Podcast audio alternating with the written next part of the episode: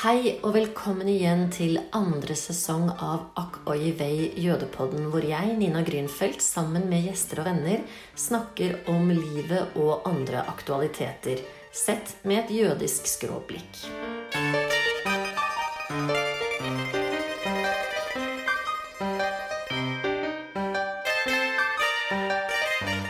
Følger tredje del av min samtale med min navnesøster Nina Baug Lichtenstein, som konverterte til jødedommen da hun ble forelsket i en jødisk amerikaner, og som fikk sin jødiske identitet redefinert og styrket da kjærligheten tok slutt. Jeg snakket med deg en stund, både i forrige episode og i denne episoden. Du kommer fra en familie der moren din var yrkesaktiv. Hun var en frigjort kvinne i sin generasjon. Og så velger du jo da selv gå inn i en veldig sterkt patriarkalsk kultur, som jødedommen tross alt er, og som jo alle religioner stort sett er.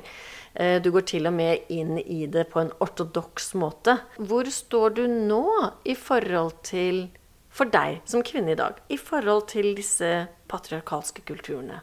Mm. Ja, det er et godt spørsmål.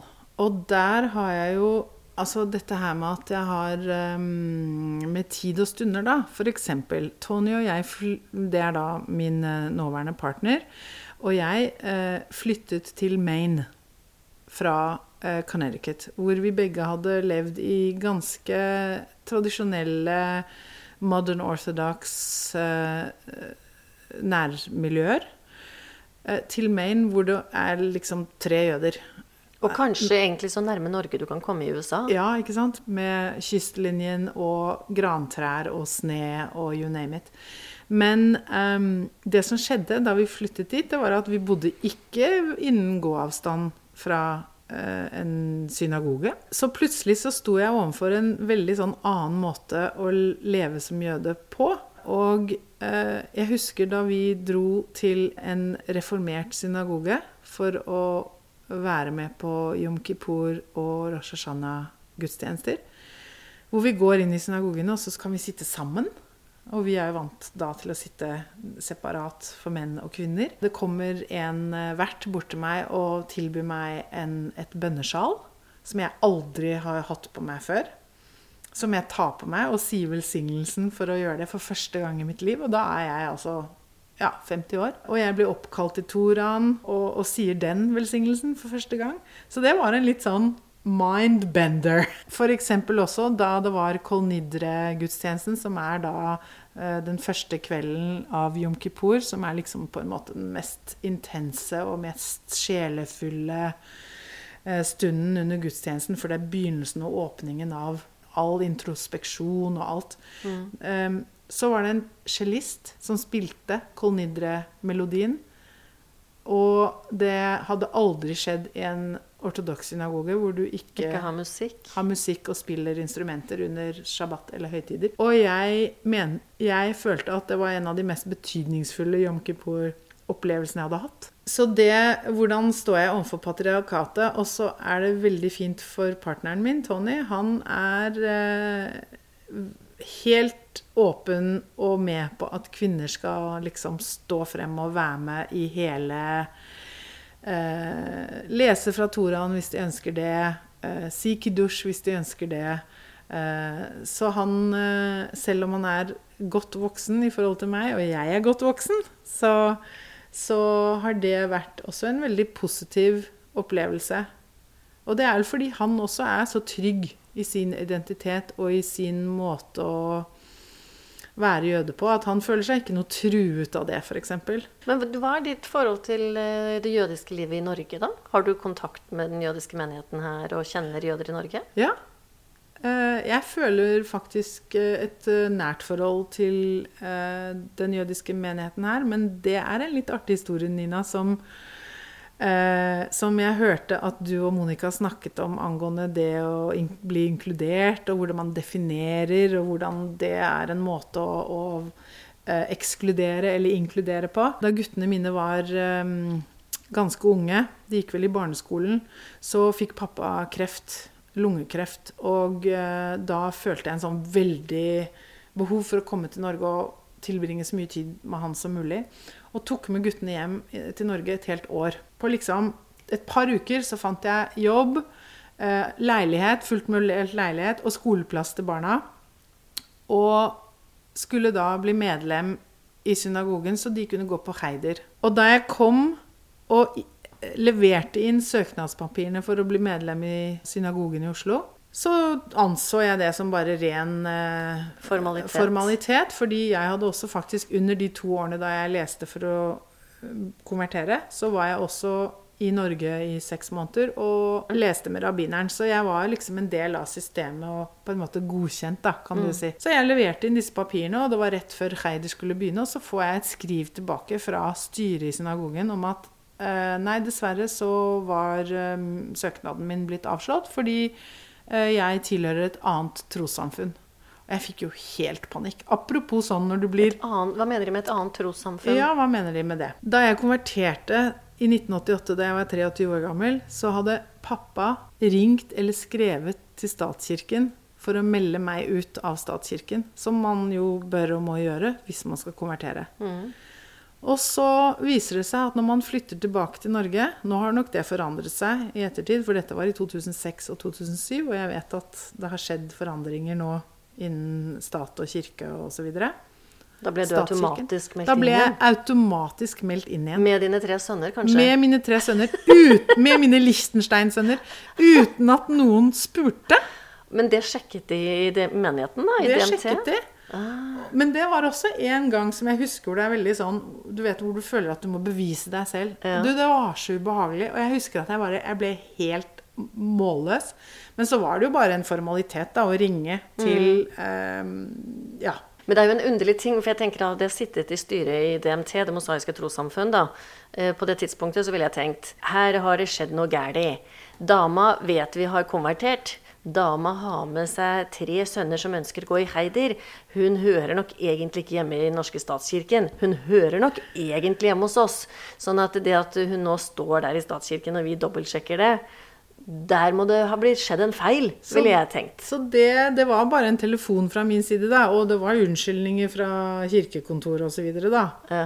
Og jeg bare sa ja, men hvis hett uh, Hvis navnet mitt hadde vært uh, Mohammed ben Al-Fassa, hadde, hadde, hadde, du gjort det altså, du, ja. Man kan ikke bare ta sånn for gitt. En norsk statsborger flytter tilbake, og man er automat Altså, det er jo helt å ja, unnskyld, ja, det, nei, det vi skulle ikke ha gjort det, og jeg skjønner problematikken og sånn og sånn og sånn. Så da var det greit. Men det var, var en uh, Så jeg er, uh, har vært medlem av uh, den jødiske synagogen i Oslo nå i flere år.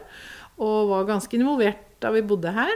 Og ble jo venner med folk og som jeg har hyggelige vennskap med den dag i dag. Og, mm. og det har fortsatt å utvikle seg. For jeg har har holdt kontakt med mennesker og, jeg, og engasjert meg når jeg er her. Og, Men er du medlem av DMT selv om du bor i USA? Ja. Ja, du er det, ja. Så jeg er medlem. Så du er nesten som et støttemedlem, du da? Jeg er nesten som et uh, støttemedlem. Og, og følger med og engasjerer meg til de grader jeg kan og har anledning. Ja. Men du, du, sa noe interessant, som, fordi du sa hvis du hadde hett Mohammed eh, Ali Ben et eller annet, så ville du kanskje ikke blitt meldt inn umiddelbart i statskirken. Og nå tenkte jeg skulle spørre deg, så håper jeg ikke det er fornærmende, men hvis din kjære jødiske høye, mørke Brian het Mohammed, hadde du da i dag vært muslim? Ja, det er et veldig godt spørsmål. Eh, og det kan jeg vel egentlig ikke svare på annet enn at jeg kan fortelle deg at da eh, mine venninner var venner med de som var helt like seg selv, mm. da vi var på videregående, da hadde jeg eh, mine romantiske eskapader blant eh, Oslos mer fargerike befolkning. Mm. Ok, dette er skikkelig guffent uh, dilemma. Verden uh, går av hengslene. Fins uh, antisemittisme på linje med andre verdenskrig igjen. Du sitter og har nettopp avsluttet Shabbes med dine tre sønner, og Gestapo kommer. Du kan faktisk redde deg selv og dine tre sønner ved å si at du egentlig ikke er jøde. Mm, ville jeg gjort det? Ville du gjort det? Huh. Jødedommen er jo pragmatisk. Den tillater deg å gjøre hva som helst for å ja. leve videre. Ja. Jeg har ofte tenkt på hva ville jeg gjort hvis jeg hadde levd som jøde i, eh, i, i, i verden, men i Europa under annen verdenskrig. Hadde jeg vært den som hadde gått med For jeg bare ikke hadde orket tortur og de forferdelige forholdene. Eller hadde jeg vært den luringen som på en måte gjorde alt og var litt sånn sneaky og litt sånn ressurssterk, men kanskje litt moralsk på, på, på kanten? Det har jeg ofte tenkt på. Ja, eller bare kall det pragmatisk. Ja. Jeg tipper at jeg hadde gjort alt jeg hadde kunnet for å lure alle og enhver for å komme oss unna. Mm. Løyet og bedratt og prostituert meg, holdt jeg på å si. you get what you ask for. ja, jeg tipper det. Fordi at uh, Det er det som er å være mensch. Ja, og så tror jeg også at det med å verdsette livet, og ikke være naiv å være litt sånn djevelsk når man er eh, overfor en situasjon hvor man føler at eh, livet står på spill, eller eh, sikkerheten, eller selv følelsene, egentlig. Mm. Det er sånn som en venninne av meg som jeg snakket med forleden dag, hun har akkurat kjøpt seg en leilighet. Uh, og da hadde hun vært oppe og sett på loftet, og det første hun tenkte, var jo hvor mange jøder kan jeg gjemme her? Ja. Og den har jo jeg hele tiden. Uh, overalt. Jeg vet hvor jeg i dette huset kan gjemme meg. Jeg vet uh, hvem jeg tror jeg kan stole på som ville gjemt meg i sitt hjem. Mm. Jeg har jo til og med denne her helt absurde Dette er tredje gangen jeg forteller denne historien. Men jeg har jo et epletre i haven. Og det bærer jo bra med frukt, i hvert fall annethvert år. Det blir sånne store, fine, røde, skinnende epler. Mm.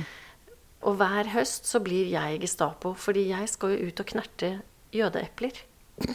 Sånn at disse store, røde, skinnende mammaeplene som gjemmer de små, mindre eplene bak, og som ligger gjemt inne mellom bladene Og så er det de, de andre som allerede har falt ned, da, som fuglene har begynt å hakke i og sånn. Det er jo de jødene som ikke orket mer, som bare ga opp. De, de lot seg falle. Snakk om metafor. Ja, ja, og jeg plukker dem alle sammen, og jeg bringer dem inn i den store oppvaskkummen min og dusjer dem godt før de skal tilintetgjøres i min store, store kjele, hvor jeg bare massakrerer dem til eplemos. Og jeg vet jo at det er noen epler som alltid klarer å snike seg unna og gjemme seg mellom bladene øverst oppe i grenene. Men til slutt så faller jo bladene av. Og da, vet du, da kommer jeg med mitt blikk og finner Men dem du vet, også. det der er en bok, det, Nina. Ja, det, jeg prøver faktisk å skrive ut om et lite dikt. Ja, eller også en, det kan være en, bare en flott metafor. eh, Og en barnebok kan det også være. Litt sånn på kanten. Ja. Litt sånn kanskje Hva heter det? Teen Young, young YA. Young Adult Novel. Eh, den, den, er, den er fin, den der. Eh, men Eplemassakren. mm, Og så har jeg jo da ett frukttre til, og det er plommene. Og de kommer etterpå. Huff a meg. Nei, men vet du Nei, hva? men du, sant, hva, hva er dette for galskap Nei, som gjør at man holder på på den måten Ja, der? men jeg kan fortelle deg, Nina, at for meg så er det jo da den andre enden av de litt sånn tvangstankene som man ikke kommer seg bort fra. Det er f.eks. Jeg har gått mange runder med at jeg gjerne vil vite og har tenkt på hva gjorde mine besteforeldre under krigen. Hvilken stilling tok de? Tok de en stilling, eller var de sånne eh, stumme bystanders og så at naboene Mamma, altså mormor, eh, mamma som var en liten, bitte liten jente under krigen, vokste opp på Torshov. Uh, var Meyers gate, og, og det var jo masse jøder i deres eh, nabolag. Og eh, min eh, morfar var lege og godt anerkjent og veldig populær, og han spilte i Skeid, og han var eh, lege for Skeid òg. Og jeg har ofte lurt på om det ble gjort noe. Nå, nå døde han før jeg ble født, så jeg ble aldri kjent med han. Men det, det sliter jeg med. Men det er ingen som vet, eller som ingen som kan Nei, jeg har si? Spurt, og mamma har liksom ikke Hun mener ja, ja, ja, ja. Jeg husker at uh, pappa hjalp jøder, men da, altså, hun har vært litt sånn vag, så jeg har liksom ikke visst helt om jeg Nei. eh, Hun, har kanskje ikke, hun vet kanskje Nei, ikke. jeg tror hun var jo veldig ung. Ja. Eh, men f.eks. pappas pappa, og pappaen min vokste opp på Høyenhall på Manglerud, på den andre siden. Farfar var drosjesjåfør. Og Under krigen? han var drosjesjåfør. Nå blir det interessant. And the plot thickens. Ja. Eh, og så hadde jeg alltid hørt fra pappa at pappaen hans, som også døde da jeg var tolv år, satt på Grini under krigen. Og så holdt jeg på med noe forsk eller, og gravde i noen bøker og forsket litt på en annen story som interesserer meg. Og da var det første gang jeg um, hadde anledning til å slå opp i en bok om norske uh, nordmenn som satt uh, i fangeleir under krigen. Og fant navnet til min farfar.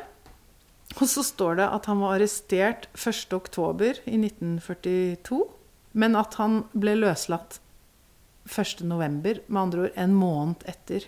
Mm -hmm. Mens hele myten rundt farfar og han, uh, hvor han var under krigen, var at han, han var, var, tre år borte. Nettopp.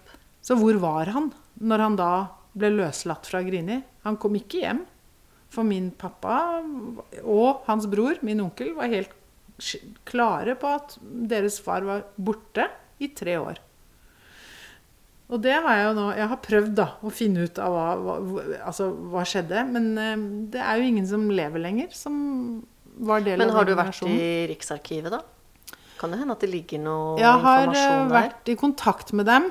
Ja. Uh, fordi jeg har vært i USA, så jeg har jo ikke hatt så mye anledning til å faktisk stille opp der. Og, og, fått beskjed at de ikke har funnet noe angående da han og hans navn. Men du kan jo, hvis du lurer på om han var med å frakte jøder 26.11.1942 til Donau, så fins det jo et register over taxisjåførene som deltok, mener jeg. Ja, og der har jeg fått hjelp. Og der er han ikke med, takk og lov. men, men, alt dette for Altså når du driver og snakker om jødeeplene som du går og, mm. finner og dusjer og Du vet, altså mm. Eh, så har jeg også ofte lurt på hva, hva Gjorde de noe for å hjelpe til? Eller var de skrekk og gru en del av de som på en måte delt Altså, jeg vet ikke. Nei. Og det plager meg. Det, det, jeg tenker da som er interessant, fordi folk sier ofte sånn og folk er døde, og man vet ikke om man, det, dette løp fra oss. Men eh, min erfaring er jo egentlig det motsatte at eh, jo lenger tiden går, jo mer informasjon dukker opp og blir etter hvert tilgjengelig. Og vi ser det nye, med nye historiske, revisjonistiske blikk. Eh, og ser nye sammenhenger. Så jeg tror på mange måter det aldri er for sent. Nei, det er et veldig godt poeng. Og jeg har heller aldri faktisk fysisk gått inn med henda i arkivet. Mm. Altså eh, fordypet meg, eller faktisk prøvd å grave mer. Og kanskje jeg er litt redd. Ja, og det kan jo hende når det gjelder din farfar at det ikke nødvendigvis har noe med nazisme å gjøre, men det ligger kanskje en annen veldig spennende mm, historie ja, der, da. Ja. Hvor var han? Ja, ikke sant. Hva brukte han de tre årene på? Ja. Nå som jeg er blitt 56 år gammel og fortsetter på min jødiske reise, så syns jeg det jeg tenker ofte på, er hvordan alt er en bevegelse. Og at det skjønte jeg ikke helt da jeg var ung. Da føltes alt mye mer sånn absolutt. Mm. Uh, Pantarei, er det ikke noe som heter det? Alt flyter. Ja, det er et godt ord. Mm. Jeg elsker ord. Ja. Alt er i bevegelse. Panta, ja. Ja. Uh, og det syns jeg egentlig er veldig ålreit. At um, og, og, det med identitet òg. At det kan uh, ja, bevege seg. Mm. Og, og, og, skifte litt fasong ettersom man gå gjennom livet. Hvis man er så heldig å, å, å, kunne leve videre. Ikke sant. Det er som eh. Faren min, som jo var psykiater, han pleide å si at identitet er ikke noe som er støpt i betong. Identitet er kontinuerlig forandring. Uh, og jeg finner meg jo selv her sitte med å gjøre noe jeg aldri har gjort før. Eh, da tenker jeg litt som Pippi. Det har jeg ikke gjort før, dette klarer jeg sikkert fint. Nemlig lage podkast.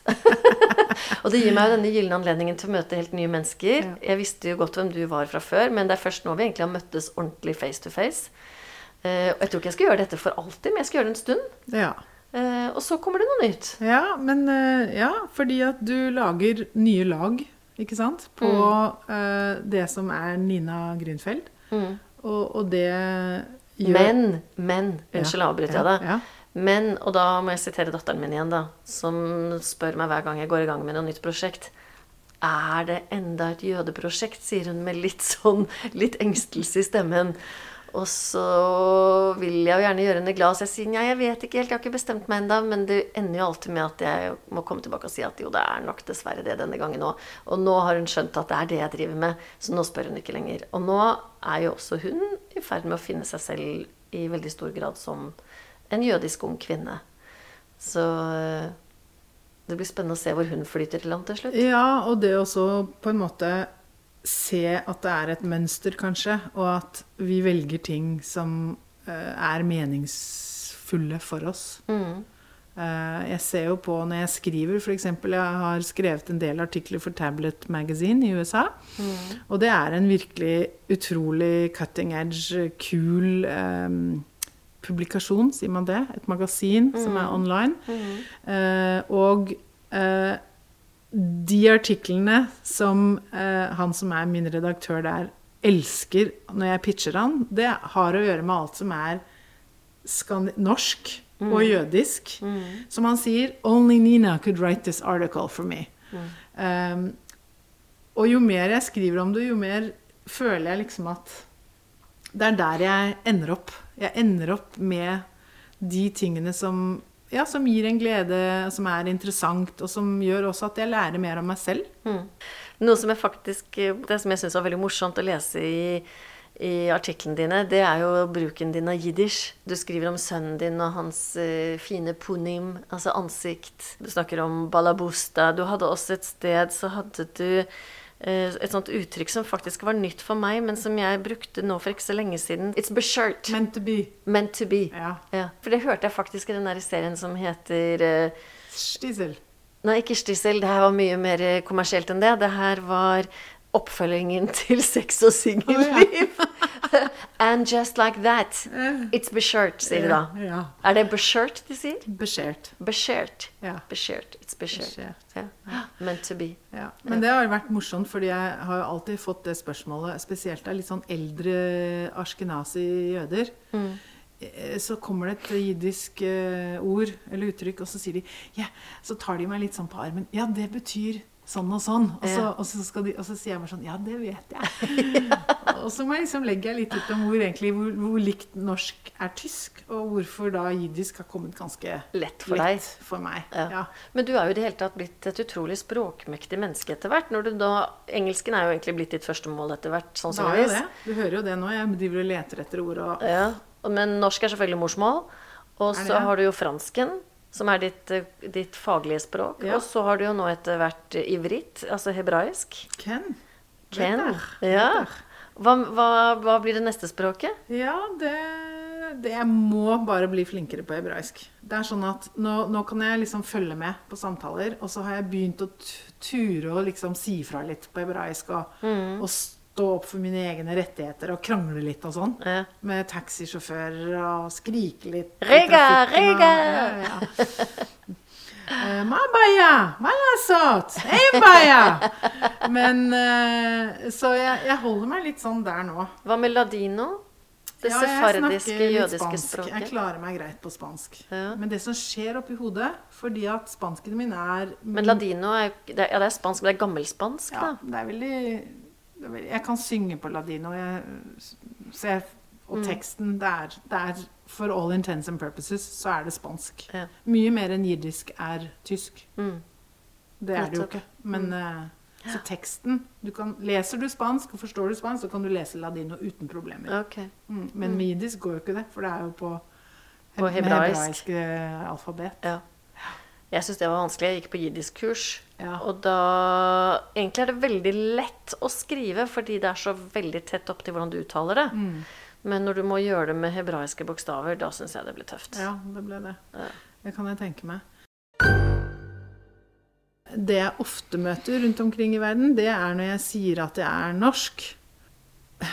Og det er jo rart. Det er jo liksom etter at jeg flyttet fra Norge, at jeg på en måte har tatt den norske identiteten og, og løftet den opp. Mm. Og det er så snodig. Men det er jo kjennetegnet på minoriteter. Ja. At man, man blir mye mer av det man er som minoritet. Altså Det er noe med egenarten. For å ivareta egenarten så må det forsterkes. Ja, og så tenker jeg på da jødene fra Marokko f.eks. Da de var i Marokko, så var de jo ikke sett på som marokkanere, de var sett på som jøder i det marokkanske samfunnet. Men da de kom til Israel, så ble de jo bare kalt marokkanere og Ja. arabere. Ja. av det norske nazi liksom kan du si. Så det er jo litt sånn snodig. Men jeg får ofte spørsmål om litt sånn Oh, there are Jews in Norway? Mm. Jeg var sånn, yeah, there's like, and now there's four more. Me and my sons. men um, Det er jo ikke mange jøder i Norge, Nei, men, noen. folk liker å spørre ja, well, what's that like, og what's the community like? Og jeg må si at min opplevelse av det jødiske samfunnet i Oslo, da, til den grad jeg er blitt kjent med det, det har slått meg at det er dynamisk, og at det er engasjert. Og mm, jeg vet at det er ikke enkelt, og det er mange greier som man kan snakke om som har sine pluss- og minussider. Men um, jeg liker å si, og det er mulig det er helt feil, men jeg liker å si at for meg, sånn jeg ser det jødiske samfunnet i Norge, så er det sånn eh, en del eh, jøder som eh, har vært i Norge, eller er født i Norge, lenge. Og så har du de som har konvertert, som meg, som og så har du israelere som er i Norge av en eller annen årsak og har endt opp her, og enten er gift med en norsk jøde eller en som har konvertert og har blitt jøde. Så du har en sånn eh, tripartite-type gruppe. Altså, det er jo et besnærende mangfold i den norske jødiske menigheten. Det er jo som du sier, du har alle de variantene. Og så har du jo i og for seg jøder også fra USA, eller som kanskje nettopp har kommet hit pga. kjærlighet. Men eh, i en så liten menighet det er vel om, Jeg tror det er den, den minste menigheten som får støtte fra, på statsbudsjettet. Så tror jeg du skal lete lenge etter et større mangfold i én menighet. Ja. Og det, det er fint. Mm, det er jo det. Ja.